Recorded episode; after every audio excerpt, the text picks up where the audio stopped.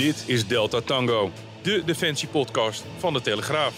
Er lag uh, sergeant zeg maar, zonder, zonder been daar, weet je wel. En ik, snap, ik snapte niet direct wat ik zag, totdat ik die klik kwam, zeg maar. En alles lijkt ook redelijk vertraagd op dat moment of zo. Dat het allemaal vertraagd binnenkomt.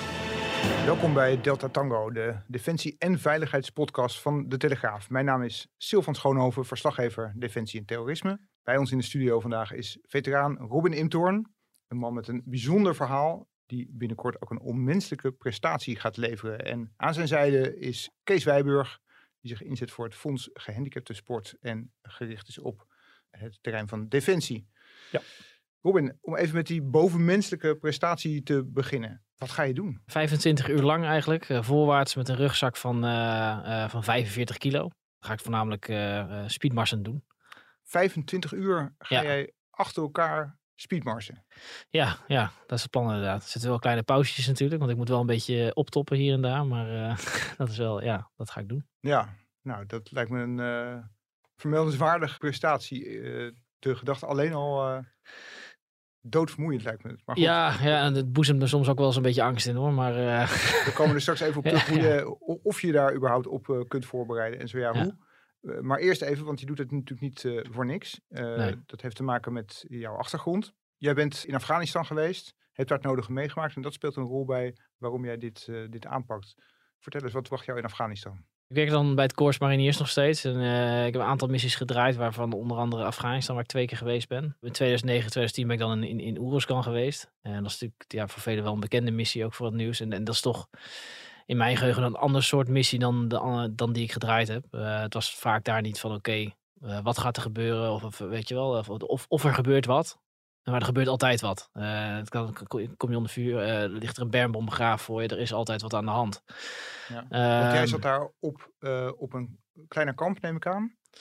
Ja, kijk, we zaten vanuit de werkte vanuit Kamp Holland. maar we zaten wel ons eigen marinierskamp, zeg maar, kop de bar. En voor de rest gingen we eigenlijk door het, door het land heen. Ja, ja. ja.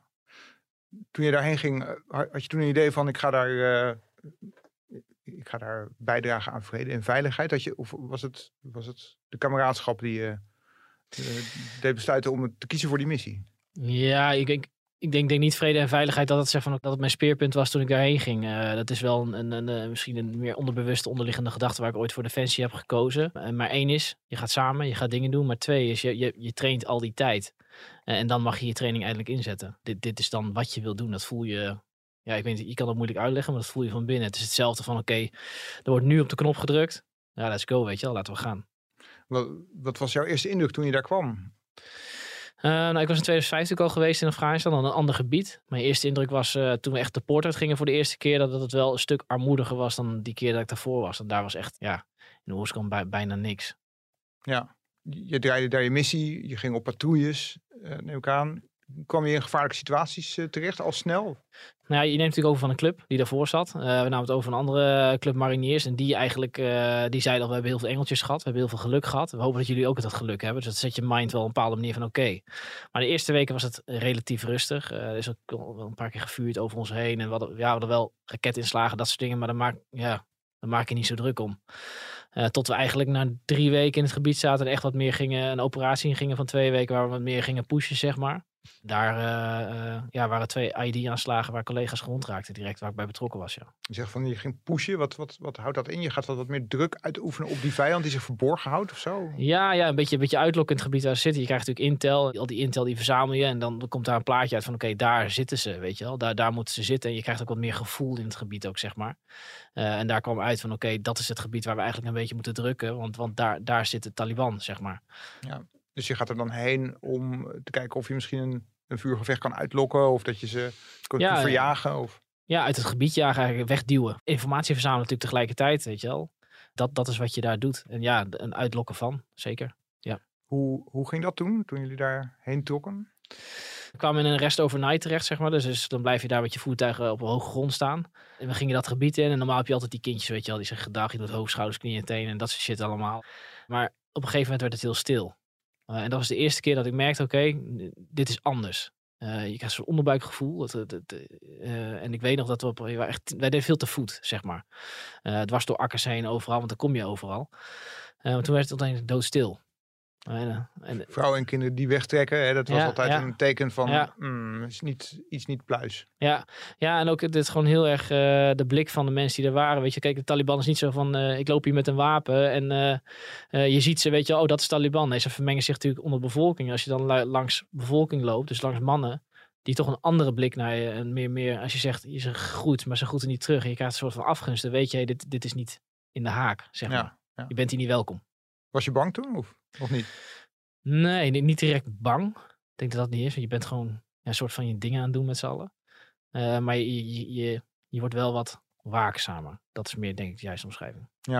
Wat gebeurde er toen? Want je Ja, waar het gebied in en Ja, we waren meer, op een gegeven moment meerdere patrouilles in datzelfde gebied aan het doen, eh, zeg maar. Dus we bleven een beetje op de statische plek, maar wel in beweging. Wel een beetje onverwacht eh, te blijven. En eh, op een gegeven moment eh, lopen we de hoek van een kwala om. En dat is zo'n klein huis, zeg maar. En toen in één keer was een rotklap. Bam. En toen... Dus wij, ik, liep als eigenlijk achter, achterste man. Ik sloot snel aan naar voren. Je, drillmatig ga je dekking zoeken. Kijken wat het is, weet je wel. Ik weet dat het adrenaline omhoog kikt. Ik vond het eerst heel vet. Ik denk, oeh, er gebeurt wat, weet je wel. En eh, we gaan dingen doen. Eh, maar toen zag ik dus, maar uit die stofwolk van die knal, zeg maar, kwam een sergeant uitlopen. Eh mijn sergeant van onze geweergroep, die eigenlijk onder de scherven zat en eh, riep nog over zijn radio, IED, IED. En dat was eigenlijk voor het eerst dat wij als, als, IT als is een bermbom, hè? Even Ja, voor, de, ja. voor de luisteraars die Ja. de term niet kennen. Een improvised explosive device is een bermbom. Ja, precies. En eh, die, die kwam uit, uit die rookwolk rennen en eh, dat was eigenlijk voor het eerst dat we geraakt werden, op die manier. En dan ga je eigenlijk een soort drillmatigheid in en, en doe je... en doe je je ding. En uiteindelijk hebben we nog lui opgepakt, et cetera. En de sergeant moest afgevoerd worden met helikopter. Eh, maar je zit nog in dat gebied. En het gebied waar je dan in bent gekomen is dan totaal anders waar je uitgaat, weet je wel. Er wordt nog eh, een RPG op je afgevuurd, et cetera. Dus het is, en je gaat terug ondertussen naar die, naar die rest overnight probeer je terug te bewegen. Want het wordt ook weer bijna donker, weet je. Dus het is, eh, Ja. ja, ja. Maar zo'n ID-aanval op dat voertuig, dat, was, ja, dat liep niet goed af voor... eh, Nou, de, de, waar ik nu over vertel is, is eh, we waren te voet nog. Dus dat was Ja. eh, eigenlijk tijdsbestek van drie dagen. De tweede dag zijn we eigenlijk in hetzelfde gebied gebleven. Deed je normaal gesproken nooit op dezelfde plek. Want je moet natuurlijk nagaan dat als jij op dezelfde plek staat, dat geeft je, je tegenstander de mogelijkheid om, om veel om jou heen te doen. Want die kent het gebied ook beter. Dus die, die kan eh, ja, een ring van IED's eigenlijk om jou heen gaan leggen. Op het moment dat je wegloopt. ja, Maar we bleven wel, want we weten van oké, we zitten in het juiste gebied en hier moeten we duwen. Nou, dat hebben we de tweede dag ook veel meer gedaan. Waarbij we de derde dag terug zouden gaan naar, eh, eh, naar een andere eh, plek, zeg maar, om daar weer verder de patrouilles te gaan doen. En nou ja, we gaan terug en dan heb je standaard procedures. En toen vonden we dus een ID die was verstopt precies op zo'n choke point, zeg maar. Een punt waar je dus doorheen moet. Nou ja, logisch dat er daar eentje ligt. En ehm, eigenlijk op het moment dat ik... Ja, de procedure allemaal in hetzelfde spoor blijven natuurlijk. Want dan, dan verklein je de kans dat je in ieder geval op, op, op eentje rijdt. want toen waren jullie te voet of met een Toen, voertuig? sta, ja, toen waren we in het voertuig, gingen we weer verder. Dus, dus ja. En al die voertuigen was eigenlijk standaardprocedure. Wil je het voertuig even gidsen dat hij in het juiste spoor blijft. Dus werd er maar Robin wil even uitstappen, voertuig gidsen. Ik zeg prima. En dat doe ik. En dat gaat om zo'n panzervoertuig. Twee van die bakkies, zeg maar. Een Viking heet dat. En eigenlijk op dezelfde positie als waar wij stonden, kwam, zo'n eh, MB oprijden, zo'n Jeep. Die rijdt dezelfde plek op en in één keer ja, echt een klap. Als, als ik nog nooit meegemaakt heb. Dus echt, ik voel het echt in, in mijn borst en in mijn lichaam, zeg maar, eh, naar achteren. En ik zie zo die, eh, die Jeep, die MB de lucht ingetild worden alsof het, eh, alsof het niks is, zeg maar. Dat ik denk, oké, wat de fuck, weet je wel. Daar stonden wij net en dus, iedereen zal wel dood zijn die daar is. Nou, op dat moment zie ik mijn corporaal nog over de hoge grond eigenlijk die kant op rennen. gelijk daar naartoe. En ik heb toen de medische tas gepakt en ben ook die kant op gegaan over de weg terug waar we net vandaan kwamen. Je denkt natuurlijk van, wat ga ik daar aantreffen? Ja, ja ik, heb, ik, heb wel, ik weet toch wel dat ik een moment heb gehad eh, dat ik heel veel bij het voertuig gezeten heb. Dat ik dacht van oké, ga ik hier naartoe?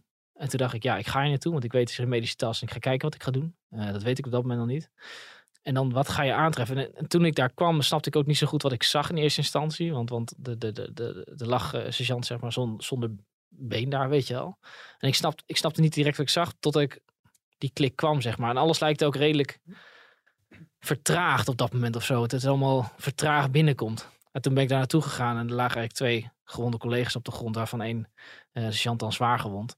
En toen ben ik direct de hulp gaan verlenen. En in eerste instantie tourniquets gecontroleerd, eh, extra tourniquet aangelegd, uh, zijn andere been. En hem vooral proberen rustig te houden. Uh, en dat is, uh, dat is tot, tot vandaag de dag, uh, vind ik dat nog steeds niet, niet makkelijk. Want, want dat is zo intens geweest voor me. Als, als iemand zeg maar aan jouw helm hangt, in je ogen kijkt en schreeuwt van oké, ik ben mijn been kwijt voor het kutland. En, en, en als je dan kijkt, dat spartelt alle kanten op. Maar jij zelf eh, probeert hem nog aan te kijken en zegt van blijf rustig. Want je weet hoe meer jij beweegt, hoe erger dat wordt. En uiteindelijk komen er meer lui bij natuurlijk. Infuus wordt geprept, et cetera. En dan eh, red je wel iemands leven. Eh, ja, Want hoe deed je dat? Je hebt, je, hebt, eh, je hebt het bloed kunnen stelpen of je hebt hem rustig kunnen houden. Je hebt een shock kunnen voorkomen. Wat, wat deed je? Ja, het zijn meerdere factoren. Kijk, ik, medisch eh, weet ik niet alles wat er gedaan is op dat moment meer. Maar eh, je legt een tourniquet aan eigenlijk. En tourniquet en draai je dus eigenlijk de kraan dicht van het bloeden. Ja. Dus dat wordt afgekneld. En de andere been ook gedaan, weet je wel. Twee tourniquets eraan. Dus de bloeding die levensbedreigend is op dat moment. die, die, ja, die is niet meer levensbedreigend. Alleen, wij hadden natuurlijk geen weet van wat intern qua verwondingen nog waren. En er was nog veel meer verwonding. En, en ik weet nog dat er mij gevraagd wordt, wil je in zijn mond kijken, weet je wel. En dat, dat ik ze, ze, ze, zijn mond pakte, maar zijn kaak was helemaal gebroken, weet je wel. En dan, dan schreeuwde het natuurlijk uit. Dus er waren nog veel meer factoren. Ik, ik ging uiteindelijk met het idee wel terug. Toen we op Kamp Holland kwamen, dat ik dacht van oké, niet per se met zijn leven gered. Dat kwam later pas. Dat ik dacht van, toen hij vertelde van oké, toen ik mijn duimpje opstak, toen ik in een helikopter zat, dacht ik dat ik er geweest was, weet je wel. Dat, dat heb, ik nooit zo geweten op dat moment. Op dat moment doe je wat je moet doen. Ja, ja. Als je dat in één klap zo op je netvlies krijgt, hè, deze beelden allemaal tegelijk, en je loopt daarvan weg, dan denk je misschien wel van, oeh, eh, hou ik hier zelf iets aan over. Nou, dat dacht ik niet op dat moment. Ik dacht, ik, ik was gewoon, eh, op dat moment toen ik daarvan wegliep, was ik echt gemixt van boosheid, maar ook van angst, weet je wel. Van oké, dat had ik ook kunnen zijn. Ik liep terug over de weg naar mijn eigen voertuig. Beetje springend, elk steentje dat ik dacht van oeh, misschien ligt daar nog wat, weet je wel. Terwijl het allemaal helemaal veilig was gemaakt inmiddels weer. Er waren meerdere voertuigen overheen gereden, maar je hebt gewoon een, een bepaald gevoel erbij, denk ik. Het was een soort van boosheid, verdriet en eh, ja, en gewoon rusteloosheid of zo. En daarna pas komt het besef, weet je, als je dan eh, terug op Kamp Holland komt. Kijk, het, is- niet zo van, oké, dit was niet leuk, dit vond ik niet tof, nu wil ik naar huis, want ik voel me daar niet zo oké bij. Weet je, je gaat twee dagen, eh, je gaat een gesprekje voeren, daarna ga je vo- voorbereiden op de volgende. En dan heb je nog vijf maanden te gaan. Ja. Dus, we, dus die emoties, die gevoelens die er die bij kwamen, die, daar, daar was geen ruimte. Eh er was gewoon doorgaan. Want er werd niet met de andere militairen, dat jullie er onderling daarover spraken van, eh, van wauw, dat was wel, dat was een vreselijke dag dit. Ja, maar eventjes een paar woorden of zo, weet je wel. Eh, en ik heb en een buddy zei van ja, ik heb er wel last van. Elke keer als, er- een deur, er zware deuren vielen dicht in, waar we sliepen, zeg maar. Dan zat ik rechtop in mijn bed. Dus dat, dat legt wel, plant wel een zaadje. Maar op een gegeven moment gaat dat ook weg, weet je wel. Je zit nog steeds in die mindset van, van dat vijandelijk gebied. Maar verder lulden we daar niet echt meer over. We wilden gewoon weten hoe het met diegene gaat. En eigenlijk wil je ook niet... eh, je gaat ook niet zeggen van nou, ik voel me heel zielig terwijl iemand zijn been eraf ligt en eh, zijn hele leven ontregelt. Dus ga je niet zeggen van nou, ik voel me ook zielig. Dat, dat doe je op dat moment niet. Je zegt van oké, weet je, we pakken door. Juist omdat we hier zijn voor een missie. Ja, ja. Die, die eh, resterende maanden van jouw missie, eh, verliepen die rustiger of gebe- gebeurde er nog meer dramatische Nou, dit, dit, dit is wel het eh, grootste voor mij geweest. Er zijn natuurlijk wel nog dingen daarna gebeurd. Weet je. Er zijn de, raket op ons afgevuurd. er zijn nog meer ID-strikes geweest, gevonden, et cetera. Dus het is, ja, er is nog van alles gebeurd. Alleen, het, het- ik vergelijk het met die kant altijd relatief rustig of zo. Op de een of andere manier. Ja, ja. Ja. Hoe, hoe merkte jij dat jij verder functioneerde die, zeg maar, na dit incident? Ging het achteruit of was, bleef dat gewoon wel, bleef je gewoon constant alert en bewust van wat je daar kwam doen en je, je taak uit kunnen voeren? Je zit een soort van in, in alerte berusting, zeg maar. Als je daar bent. Je bent continu alert, maar je bent wel een soort van ontspannen. Eh, je bent een soort van aan. Je kan snel schakelen, maar je bent wel relaxed. Want je, want je bent daar een ding aan het doen. Dus je bent eigenlijk continu on the ball, zeg maar. Dus je bent continu bezig. Eh, ik had wel even dat dat ik na mijn eerste patrouille wat meer angst had om in het voertuig te zitten. Dus ik zat vaak dan achterop, bovenin, zeg maar. Dan kon, kon ik ook veel het gebied zien en dan vond ik prettig. Eh, maar langzamerhand je missie verder ging, eh, ja, groei je toch weer een beetje in je, in je gewoontes. En dan voel je je wat gemakkelijker erbij. eh, ja. Ja. En dan verdwijnt die angst eigenlijk een beetje naar de achtergrond. Ja, dus de- toen had je het idee van, nou ja, het, het heeft geen blijvende impact op mij gehad, dit, dit incident. Maar dan, ja, dan ga je naar huis, hè, missie voorbij, kom Ja. je thuis. Ja, Hoe gaat het dan? ja kan je in één keer weer je, je pakje haalgeslag halen bij de supermarkt inderdaad. dat is natuurlijk een hele rare gewaarwording. Ja, ik heb nog een foto met mijn neefje eigenlijk. En eh, die, die is vlak daarna dat ik thuis ben gemaakt, weet je wel. En da- daar zie je me echt, mijn ogen staan wijd open, weet je wel. Ik heb echt zo'n staar, weet je. Dus, dus daar, daar, die foto, als, als je die, die ziet, is echt zo van oké. Eh, dat, dat bij mijn schoonvader ook zegt van hij is nog niet thuis. Ja, klopt, ik ben een paar dagen terug, weet je wel. Maar eigenlijk pak je het leven weer op. En ik had nog wel last van knallen, ik schrok snel en dat soort dingen. Maar ik sliep verder redelijk oké. en ik deed gewoon eigenlijk mijn ding. En dan ga je weer naar de volgende oefening op een gegeven moment. En dan ga je weer je, je, je carrière, carrière verder. Dus dan, dan eigenlijk voelt het allemaal normaal. Het leven gaat verder, weet je wel. Kon kwam er op enig moment een besef dat je dacht van, eh, ik, ik heb er toch iets aan overgehouden? Ja, kijk, als, als ik terugkijk, sowieso. Eh, maar, maar het is een soort van heel langzaam aangegaan. Het is, het is heel langzaam aan, eh, werd ik emotioneel afstandelijker. Heel langzaam aan eh, werd ik onvriendelijk. Sociaal distancieerde ik me. Kon ik bepaalde situaties ook niet helemaal rijmen, weet je wel. Dan was ik ergens in een drukke stad met een drukke plek en dan voelde ik me bedreigd en dan ging ik bepaalde handelingen doen. Het is hetzelfde, ik had al een rugzakje bij me. En eerst zat er een tourniquet in de rugzak, later een verbandpak, een schaar. eh, weet ik, ik had een bijna medische tas mee, weet je wel. Gewoon als je hier naar de supermarkt ging. Ja. Normaalste zaak van de wereld vond ik dat. Ja. Ik denk, dan heb ik het maar bij me. Je weet niet wat er gebeurt. Natuurlijk ook die terroristische aanslagen die op een gegeven moment kwamen. Weet je, Ja. dat, dat piekte heel erg mijn... en dat, dat was eigenlijk fuel for fire, weet je wel. Van oké, ja, dat, dat, dat, dat, dat, dat zette een hoop aan. En heel langzaam aan waren er steeds meer dingen. Ging steeds meer dingen inbouwen. Veiligheid, eh, veiligheidjes voor mezelf. maar ook ja, emotioneel gewoon.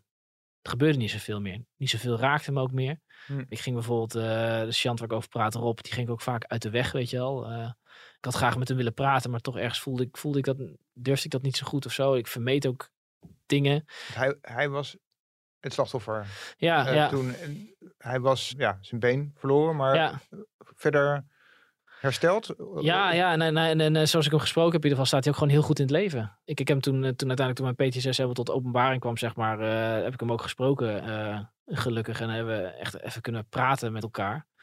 Maar ja, kijk, als ik zijn gezicht zag, ik zag altijd dat gezicht vol met pijn, vol met schreeuwen, dat nog steeds aan mijn helm trok. Dat zag ik, dat voelde ik. En dat, en dat hielp me om naar Ja. hem toe te gaan.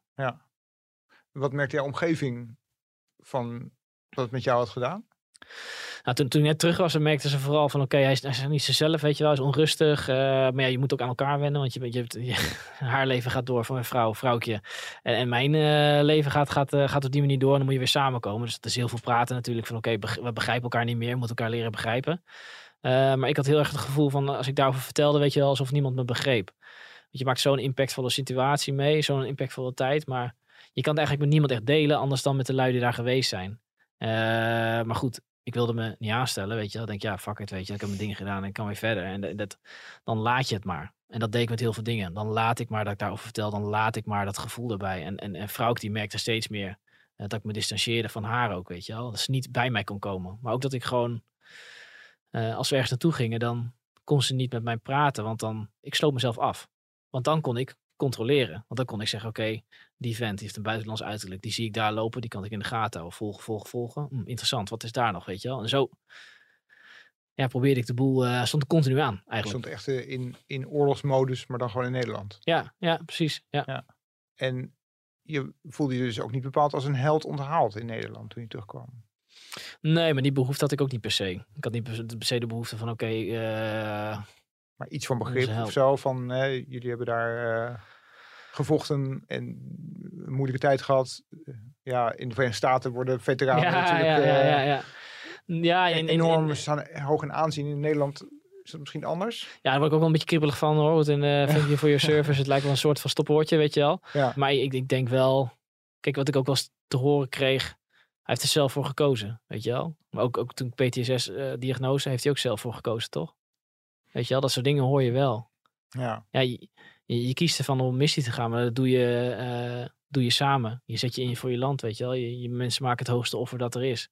Eh, daar, je, je kiest er niet voor om last te krijgen van bepaalde eh, mentale klachten. Je kiest er niet voor om je been te verliezen. Daar kies je niet voor. Dus dat zijn hele ontzettend kwetsende opmerkingen die, die pijn doen. Maar het alles was bij mij wel de basis. Ik praat niet over mijn gevoel, weet je wel.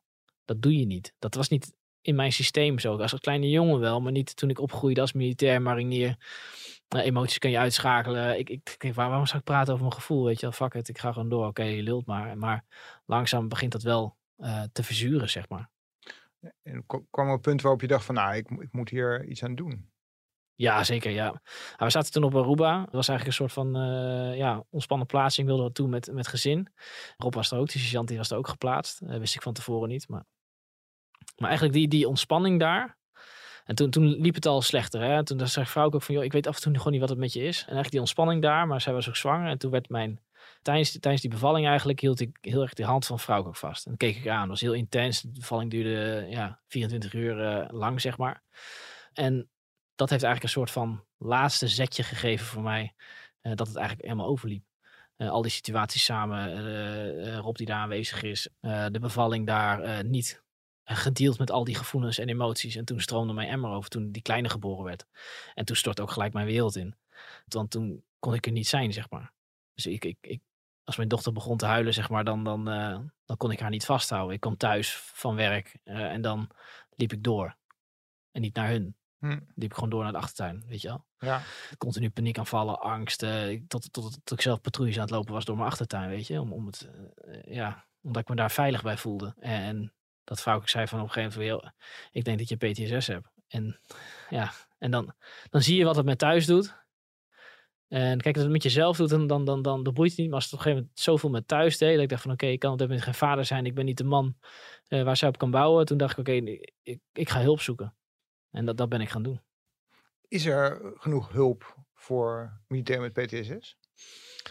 Er is genoeg ingeregeld, alleen is het niet altijd te vinden. Of hoe je daar eh, goed komt. Eh, ik heb de hulp bij Defensie als goed ervaren. eh, bij de MGGZ. En er zijn, best wel wat hobbeltjes geweest nog met afstemming daarin. Alleen heb ik ontzettend gemerkt. Je moet, je moet nagaan, op het moment dat ik terugkwam als we met een gezin op Schiphol, toen was daar niemand. Hm. Eh, anders dan mijn gezin, zeg maar. En dan komt dus een, een, een marinier, een corporaal de mariniers, die komt terug, die heeft zich ingezend, meerdere missies gedraaid, komt op Schiphol aan met PTSS, wat gediagnosticeerd is al op dat moment, en er is niemand. Zoek Hm. het maar uit, is je gevoel dan. Je voelt Ja. je in de steek gelaten. En als ik daarover vertelde, kwam de uitleidinggevende tegen, die zei van, eh, ja, je moet het zelf doen, hè? Hm. Ik zei, ja, dat snapt mijn reet ook wel dat ik het zelf moet doen. Ik zei, maar het Ja. zou wel prettig zijn geweest als ik iemand had gehad. Kijk, je moet, de andere kant van de medaille is ook, ik functioneerde niet, hè. Ik was echt eh, niet leuk om mee te werken ook. Ik deed mijn werk ook niet goed. Dus dat, dat vraagt ook geen omarming van je community op dat moment als, als marinier zijnde. Want dan ben je een lowlife. Je functioneert niet. Alleen daarachter zat die PTSS en al, al dat gedoe, zeg maar. En, en ik had gewoon mensen nodig. En dat, eh, ondanks dat de zorg heb ik als goed ervaren, et cetera. Alleen het eenzaamheid, de onbegrip en alle schaamte die ik daarbij had. Dat was iets wat, wat, wat, wat mij kapot maakte. Ja. Wat kon jij daar zelf aan doen? Wat voor soort therapie kon je volgen? Eh, ik heb dat? ja, het, eh, ja, het is, het is even schakelen natuurlijk. Je gaat er met, die- met die mindset in van oké, ik ben een marinier, dus eh, ik ga het aanvatten, weet je wel. Nou, dan weet je niet echt waar je aan begint. Want je moet al die trauma's opentrekken, eigenlijk al die dingen waar jij moeite mee hebt. Je hele Afghanistan tijd, je moet weer terug naar dat moment. Nou, dat is natuurlijk ontzettend spanning. En, en ik heb toen EMDR gevolgd, exposure therapie, wat dan doorging thuis ook. Wat je dan continu in het moment. Dus je gaat weer eigenlijk helemaal nog verder in die aanstand. Je bent continu daarmee bezig. Hmm. Eh, en op een gegeven moment merkte ik dat dat eigenlijk steeds beter een plekje kreeg. Dat ik ook psychomotorisch, want ik had heel veel pijn in mijn lichaam, zeg maar. D- wat, wat ik normaal vond, omdat ik zo vaak getraind had, bergtraining gedaan, eh, weet ik veel, verkennisopleiding, zware rugtas, veel gedaan. Ik deed het allemaal af als logisch, maar daar heb ik geleerd eigenlijk weer rust te vinden in mijn lichaam en uiteindelijk ook rust in mijn hoofd. En toen die therapie afgerond was, toen, ehm, eh, dat is best wel tijdsbestek natuurlijk, maar dat, dat, eh, toen was het nog van, oké, maar wie de fuck ben ik nou eigenlijk? Want ik heb alles aan die, aan die mariniersidentiteit opgehangen, weet je wel. Maar wie ben ik nou? En, en dat, was, dat is eigenlijk de ontdekkingstocht die, die, eh, die ik zelf inzette met, met ehm, dat, dat wat ik ervaren heb, die eenzaamheid, onbegrip en schaamte. Die vind ik niet dat anderen mogen ervaren op die manier. Ja, ja. Eh, zou je kunnen zeggen dat je uiteindelijk door die therapie wel genezen bent? Of ben je helemaal hersteld? Of? De therapie heeft me de basis gegeven om vrede te hebben met mijn trauma en vrede te hebben wat daar eh, gebeurt. Eh, uiteindelijk herstellen is, is, eh, is, is, is door het lopen van vijf marathons in vijf dagen uiteindelijk. Maar dat, niet per se dat, dat rennen, maar de hele reis ernaartoe. Dat heeft mij, Ja. dat mij persoonlijk hersteld. hersteld. We begonnen uiteraard met, met, met, met de grote prestatie die je gaat leveren. hè. Ja. Je, hebt, je hebt al vijf marathons in vijf dagen gelopen, achter elkaar dus. Hoe verhoudt dat zich tot PTSS? Helpt die extreme inspanning om daarmee om te gaan? Hoe, hoe werkt dat? Ja, ja ze- zeker. Maar, maar niet in de zin van dat het. eh, ik deed veel, al veel, veel, veel lopen. En eh, ik was marinier, dus deed wel extreme dingen, weet je wel, in mijn diensttijd. Eh, alleen dat was heel negatief geladen. Het was heel destructief voor mezelf. En, en op een gegeven moment, toen ik weer kon genieten van sport. Eh, toen ben ik weer langzaam die grens gaan oprekken. En, en het moment dat ik die vijf marathons uh, besloot om te, te, te, gaan lopen achter elkaar, dan denk je, ja, dat, krijg ik heel veel uit te horen. Ja, maar dat is jouw PTSS. Ja, weet je, je kent me niet, dus, dus laat me vooral met rust. En ik ga mijn eigen persoonlijke reis. En je moet nagaan op dag drie, toen op een gegeven moment was ik aan het lopen en ik had natuurlijk heel veel pijn in mijn kast. Mijn voeten deden pijn, alles deed zeer. En toen kwam die negativiteit ook weer terug, weet je wel. Die kwam allemaal weer bij elkaar van, oké, hey, al, die, stemmetjes van PTSS kwamen weer. totdat ik zei van, oké, maar Robin, is het logisch. Je bent met iets moois bezig. Je bent zelf, weet je wel. Het mag er zijn. Eigenlijk het loslaten, het vechten tegen. Uh, dat zorgde ervoor dat ik vrij kon zijn in mijn gedachten. En, en die reisde naartoe. Ik begon in eenzaamheid, maar door dat te starten, raakte ik verbonden met zoveel mensen. Waardoor ik mij niet meer eenzaam voelde. Maar andere mensen ook uit die eenzaamheid trok. Uh, en en dat, is, dat is ontzettend krachtig. Dus dan, dan maak je het eigenlijk beter voor jezelf op die manier. En, en, en, en om het af te maken, toen ik binnenkwam in Rotterdam, de laatste meters, uh, toen kwam mijn dochter op me afrennen. Hmm. Dus het, ik kwam door de poort in Rotterdam, waar ik mijn mariniersberet gekregen heb. Daar kon ik doorheen rennen. En mijn dochter, dus waar, waar ik zoveel moeite mee had, die, die schudt zich los van mijn vrouw, komt op me afrennen en springt in mijn armen ja, dat, weet je, dat ik nog zoveel kilometers kunnen rennen, had, had mijn ego, nog zo'n boost kunnen krijgen van alles. Maar dat is mijn moment. Mijn persoonlijke reis is op dat moment rond. Ja, ja. ja ik uh, kan me voorstellen dat het gevecht tegen je lichaam misschien ook het, iets te maken heeft met het, met het gevecht tegen, ja, tegen de innerlijke demonen of zo. Dat, je, dat het een manier is om, er, om, uh, om het in iets positiefs om te zetten. Werkt dat ook niet zo? Of? Ja, zeker. En, maar vaak, vaak zeggen we dan, en wat ik vind daarvan geleerd is, is dat, dat het niet vechten is tegen. We zeggen vechten tegen PTSS, vechten. Uh, maar maar je, je, vecht voor jezelf en dat is anders. Ja. en dat heb ik, dat heb ik geleerd in dat stuk. Ik, ik, moest, ik moest mijn ego loslaten. Weet je wel, ik moest uh, die, die marinier of wat ook, die moest ik loslaten. Gewoon om door te kunnen blijven lopen. Ik kon, kon het niet vasthouden, want het hield me tegen. Uh, al, die, al die dingen die, die, waar ik last van had met Peter, die hielden me tegen om volledig mezelf te zijn. En op dat moment toen ik aan het rennen was, werd ik steeds meer mezelf. Want ik hou van die extreme uitdagingen. Uh, en ik hou van die pijn. En ik hou van het mentale spel. en daar begon ik weer plezier in te krijgen. En, en, dan, en dan vecht je voor je gezin. En dan vecht je voor wat anders. En dan vecht je voor de mensen die je daarmee omheen bereikt. En dat is veel sterker dan dat je vecht tegen je PTSS. Ja. vijf marathons in vijf dagen is al een extreme prestatie. Maar wat je nu gaat doen, hè, 25 uur achter elkaar speedmarsen. Dus dat is, dat is lopen, maar ook rennen. Ja. En dat alles met 45 kilo op je rug. Ja. Klinkt als iets wat, wat bijna niemand kan, zou kunnen, fysiek. Ja, ik, ik geloof dat, dat, dat iedereen dat kan. Alleen het vraagt je wel een bepaalde hoeveelheid uh, training en, en dedication om dat voor elkaar te krijgen. En ik moet zeggen, het beangstigt me af en toe ook nog wel om, om het te gaan doen. Je weet niet of je het haalt. Je, je hebt de, hoe zeg je dat? De zekerheid van het niet zeker weten of je het haalt. Ja. Dat heb je. Alleen je begint met iets groots in je hoofd. Dit wil ik gaan doen. 25 uur, 45 kilo. Oké, let's break it down, weet je wel. Ja. Hoe kunnen we daar hapklare brokken van maken? Oké, hoe kunnen we daarvoor trainen? Nou, dan beginnen we met dit. En dan beginnen en, en eigenlijk af en toe kijk je naar dat moment. Weet je, het moment is nu redelijk dichtbij. Uh, maar, maar toen ik uh, even kijken, een jaar geleden ongeveer dat bedacht. Uh, toen, toen, toen keek ik er niet zoveel naar. Ik deed gewoon wat ik moest doen. Net zolang tot ik stappen maakte tot ik er bijna ben. En meer kan je niet doen. Ja.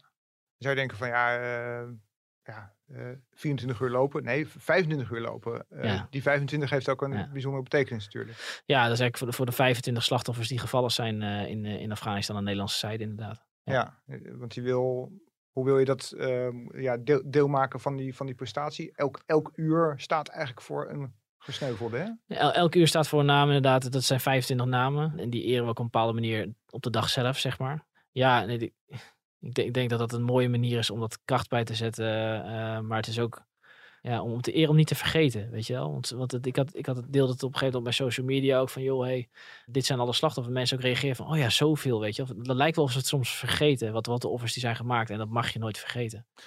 Nee, dus die, die, uh, die 25 militairen zijn allemaal uh, gesneuveld tussen 2006 en 2010, hè, tijdens de missie in Afghanistan. Ja. Um, zijn daarbij namen die jou, die jou nog meer bijstaan dan anderen? Mensen die je misschien zelf gekend hebt of waar je ja. Waarbij het verhaal je nog meer naast staat. Ja, zeker. Dat, dat, zijn Houwelingen en Harders, twee uh, mariniers. Eigenlijk uh, kort nadat ik terugkwam thuis. Uh, ik denk twee weken. Ik kwam in april terug toen, 2010. En twee weken later, correct me if I'm wrong hoor, maar toen, was het, toen kwam hun om het leven.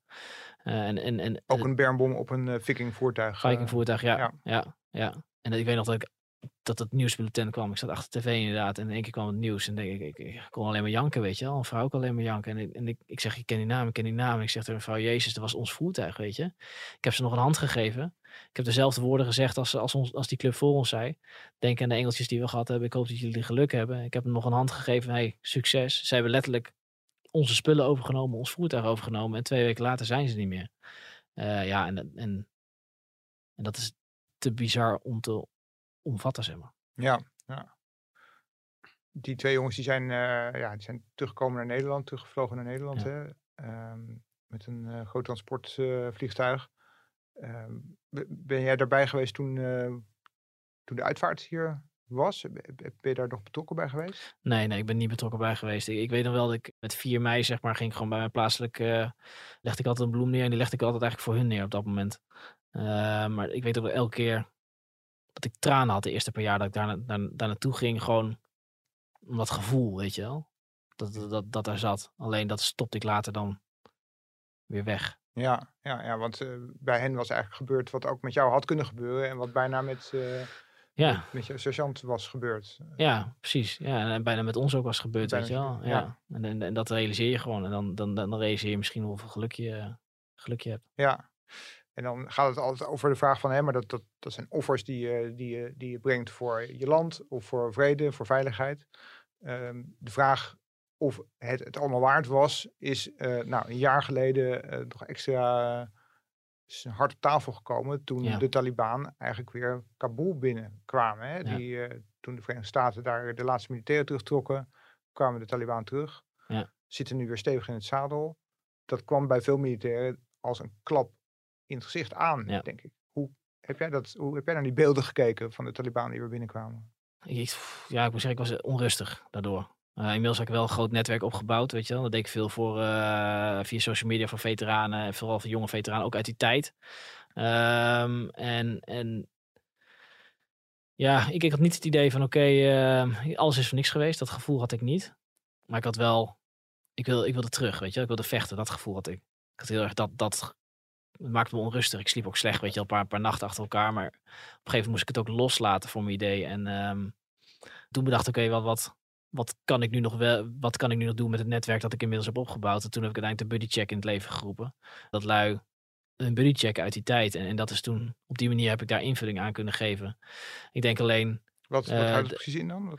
Eh, gewoon een buddy check, dus check je buddy. Eh, dat eigenlijk op een gegeven moment trauma van die tijd, et cetera. ehm, het maakt wat los bij mensen en dat kreeg ik ook heel veel terug. Ja. Eh, heel veel lui die onrustig waren, die, die en, ja, ik zeg, ik had een netwerk en wat ik, wat ik deed met mijn social media account, wat ik nu nog steeds doe, is eigenlijk lui ondervangen die die schaamte hebben. Die durven eerder zich open te stellen aan iemand die dat zelf heeft meegemaakt. Ja. Eh, en dat deden ze bij mij. Dus er is gewoon knetterdruk mee eh, van, van lui die reageerden, maar ook om te zeggen van oké, hoe, in hoeverre heb je het last van? Wil je praten erover, et cetera? En, en, dat, en dat, dat deed ik eigenlijk op die manier. De vraag of, of de offers het waard zijn geweest, eh, dat, dat is niet aan mij om te zeggen, denk ik. Ik denk dat dat is eh, aan de nabestaanden om dat te zeggen. En, en de mensen die direct betrokken waren om dat uiteindelijk in te vullen voor hunzelf. Of ze Ja. dat eh, vinden. En voor, voor jouw eigen missie betreft, be- was, als jij nu kijkt naar de situatie toen en nu, is het jouw inspanning waard geweest? Had u langer moeten blijven? Had het anders moeten lopen? Wat, wat, wat is jouw idee daarbij?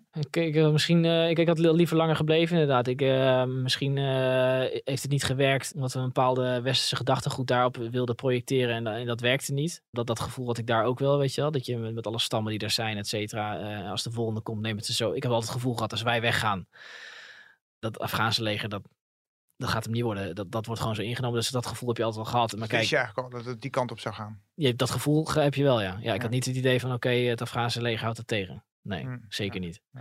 Nee, maar ja, ik zeg, eh, ik, ik kijk er wel goed op terug. Ondanks dat ik meegemaakt heb, ondanks uiteindelijk mijn PTSS, kijk ik goed terug op een missie. En dat heeft even geduurd voordat ik dat kon natuurlijk. Eh, maar dat deed ik ook toen, toen uiteindelijk, eh, ik heb gedaan wat ik kon. En daar, en daar heb ik vrede mee. Even praktisch wat jij gaat doen. Hè? Je gaat, in september ga jij eh, deze meer dan een etmaal eh speedmarsen. Ja. Ehm, waar ga je dat doen? Hoe, hoe komt het eruit te zien? Nou ja, het Nationaal Militair Museum is dat, in Soesterberg. Eh, daar start ik eh, s ochtends om 11 uur. Ja, dat is een groot, groot eh, landgoed. Hè? De- Ja. ja, een voormalig vliegbasis. Heel Ja. groot terrein. Nou, Nou ja, da- da- daarnaast, direct naast het museum, eh, een klein eh, betonplaatje, een soort airstripje ligt daar. Ja. En dat is één kilometer de ene kant op, één kilometer de andere kant op. En daar loop ik mijn eh, rondjes van twee kilometer continu overheen. Ja, ja. Je hebt ervoor gekozen om, om, om niet een hele grote tour door Nederland te, Nee, gaan nee. maar om op, op één plek te blijven. Hè? Ja, ja. ja. En ook ja. aan mensen te zeggen van oké, klik in, weet je wel, loop mee. Want, want, want die rugzak die staat eigenlijk voor, eh, voor het gewicht van het trauma. Dus het gewicht dat je voelt bij, bij als jij met PTSS loopt, het gewicht van wat je nog met je meedraagt. En dat, is- dat, is- dat is het metafoor van die rugzak. Ja, Eh, het, is, het is zwaar, weet je wel. Eh, iedereen die gelopen heeft met zijn mentale rugzakje in zijn hoofd, weet dat dat heel zwaar kan wegen. En dat je er heel eenzaam bij kan voelen. Dus daarom roep ik ook op van oké, loop mee. Maar Mensen kunnen gewoon jouw stukjes begeleiden in, in die... ja, ik heb gewoon gezegd, feel free, weet je wel, loop mee. Juist, juist als je moeite hebt met dingen gehad, lo- loop mee. Ja, Klik in, weet je wel, al doe je maar een half uurtje. En, en er zijn mensen die daarop afkomen inderdaad, die zeggen van oké, ik wil ook wel mijn buddy eren uit die tijd. Maar ook nabestaanden die me al contact hebben, zeggen van hé, hey, mag ik met je meelopen? Ik zeg graag zelfs, weet je wel. Ja, ja. Eh, en dat, dat zorgt voor die verbinding, dat we dat samen doen. en jij, jij hebt dan dus letterlijk die 45 kilo op je Ja. rug, hè? Wat, wat zit daar in je rugzak? Eh, bakstenen of heb je daar ook echt iets... Eh, nee, even kijken, stalen platen zitten erin. Stalen platen, ja, dus ik krijg nu een paar stalen platen nog opgestuurd van 5 kilo per stuk. Ja. Die komen er dan nog in. Ja, ik train nu met, met 50 kilo, met een zandzak zeg maar erin en van alles en nog wat. Ja, de- ja, en, en dan zo dicht mogelijk tegen mijn rug aan. Ik heb inmiddels verschillende rugzakken getriald en geprobeerd. En ik heb er nu eentje gevonden die, hoe zeg je dat, prettig genoeg is. nou ja, echt ja. prettig kan het niet zijn, Nee, denk ik. nee, 45 nee. kilo op je rug. Hoe voelt dat? Het doet gewoon zeer vanaf een paar kilometer al. Ja, Ja, en het is, is niet per se je, je heupen, knieën. Kijk, die gaan ook echt wel pijn doen. En je voeten, weet je wel, van de afstand en zo. Maar het is die schouders. Het trekken van die rugzak, dat is dus wat zo killing is. ja, ja. Ik hoop eh, van harte dat je, het, eh, ja, dat je het volhoudt. We hebben het over september, hè? Ja. 10, 11 september. Ja. Je begint 's ochtends vroeg Ja, en 11 je uur, eindigt 's ochtends vroeg. 12 uur de volgende dag op 9-11. Ja. Ja. Je houdt een korte pauzes nog tussendoor? Of... Nou, wat, wat eh, de tactiek is nu eh, drie keer een rondje van twee kilometer ongeveer. Waarbij tussen die twee kilometer even een paar seconden pauze is. En na, na die drie rondjes is er 10 minuten break. Ja. Eh, dat is tijd dat ik eet. Als ik, ja, op een gegeven moment krijg je geen zin meer om te eten. Dus moet het naar binnen op de een of andere manier. Maar dat is een 10 minuten break. En ik ga dat net zo lang doen. Eh, ik heb ook een heel verzorgingsteam nu eromheen. Dus ik heb een, ik heb een arts eh, van de marine, et cetera. Dus alles is daar omheen geregeld. Eh, om me in de gaten te houden. En dan gaan we kijken hoe het gaat. Probeer zo lang mogelijk dat drie luikje vol te houden. En begin eigenlijk gewoon langzaam om het lang vol te houden. Dat is, dat is de tactiek. En dan gaan we kijken hoe het werkt. Ik heb het een paar keer geprobeerd. En op zich, En dan is Gaat het goed. op hoop van zegen. we gaan gewoon door. Ja, Ja. Hopen dat het lichaam, als het lichaam bij elkaar blijft, dan, dan blijven we doorlopen. Ja, maar de geest moet ook bij elkaar blijven op zo'n, eh, tijdens zo'n ellenlange, Ja, die, lange eh, duurloop. Want dat, en da- eh, daar maak ik me niet zo zorgen om. De, de, geest, de geest zit goed. Eh, waar, waar, wat ik, wat, ik, een, wat, mijn, wat ik een uitdaging denk ik is de emotionele lading. Ja, Dat gaat niet bepalen of ik ga stoppen, maar dat gaat wel een bepaalde zwaarte eh, met zich meebrengen, maar ook eh, een bepaalde kracht uitputten. kan ik me voorstellen. Ja, is- dit ooit eerder gedaan? Wordt dit een wereldrecord? Ja, ja, het is nog niet eerder gedaan. Nee, Nee. Ja. Dus het is, Ja. eh, oh, Ja. eens, eh, het is uniek. Ja. het is niet eens bekend of mensen dit überhaupt eh, kunnen. eh, nee, ja, we hebben het uitgezocht, maar eh, we konden er niks over vinden. Er zijn wel marathons gerend met zo'n rugzak bijvoorbeeld, eh, dat soort dingen. Dus, maar, maar voor de rest, die afstand, die, die tijd of 24 uur, eh, niks, eh, niks Ja, over kunnen ja. vinden. Nee. Nou, we gaan, het, we gaan jou volgen. Eh, Kees, ik ga even naar jou, want jij Ja. staat hen bij. Hè? Jij begeleidt het vanuit het eh, Fonds eh Gehandicapten Sport. Ja, zeker. Hoe, Ehm, hoe zie jij dat? Hè? Eh, extreem sporten in het kader van omgaan met PTSS. Ja, ehm, ik ben een aantal jaar geleden gevraagd door Fonds Gehandicapten Sport of ik mij voor deze organisatie wilde inzetten. En toen heb ik gezegd, dan wil ik me toch wel heel graag bemoeien eh, tegen het defensiedomein aan.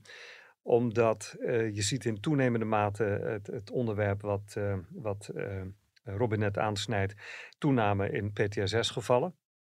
Wordt gelukkig veel over gepubliceerd, wat mensen die het betreft ook eh, de ruimte geeft en de vrijheid biedt om eh, er gewoon over te kunnen praten.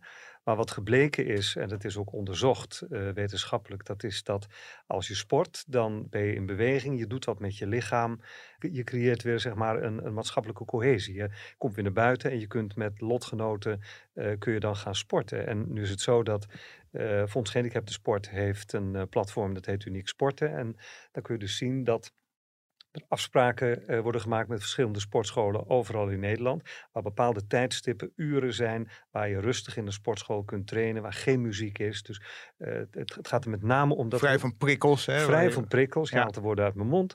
Um, hè, dus dat je daar zeg maar podium krijgt om, om gewoon te kunnen blijven sporten. En voor ons gehandicapte sport zet zich uh, daarvoor uh, voor in.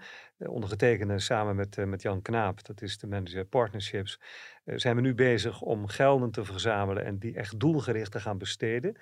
middels 5-5 Out, dat is het, het sportfonds van Robin. Ja, 5-5 Out. we gaan dit ook uiteraard in nauwe samenspraak met Robin Imtorm gaan we dat besteden. Dat het in ieder geval zo goed mogelijk uh, terechtkomt. En uh, ja, wij, wij, wij vinden het een hele grote eer. Ik zelf vind het een hele grote eer dat wij als organisatie betrokken mogen zijn bij dit unieke gebeuren. Want dit is, ja, ik vind dit nogal wat. En nu ook weer luisteren naar het verhaal.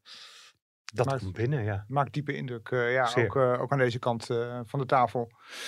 Ik wil jullie hartelijk uh, danken en vooral heel veel succes uh, wensen. Dit was Delta Tango voor deze keer. We hopen dat je uh, met plezier en belangstelling hebt geluisterd. En als het zo is, abonneer je dan op de podcast, zodat je geen aflevering meer hoeft te missen. En ook met recensies doe je ons een groot plezier. Wij zijn over twee weken weer in de podcast met een onderwerp uit de wereld van veiligheid en defensie.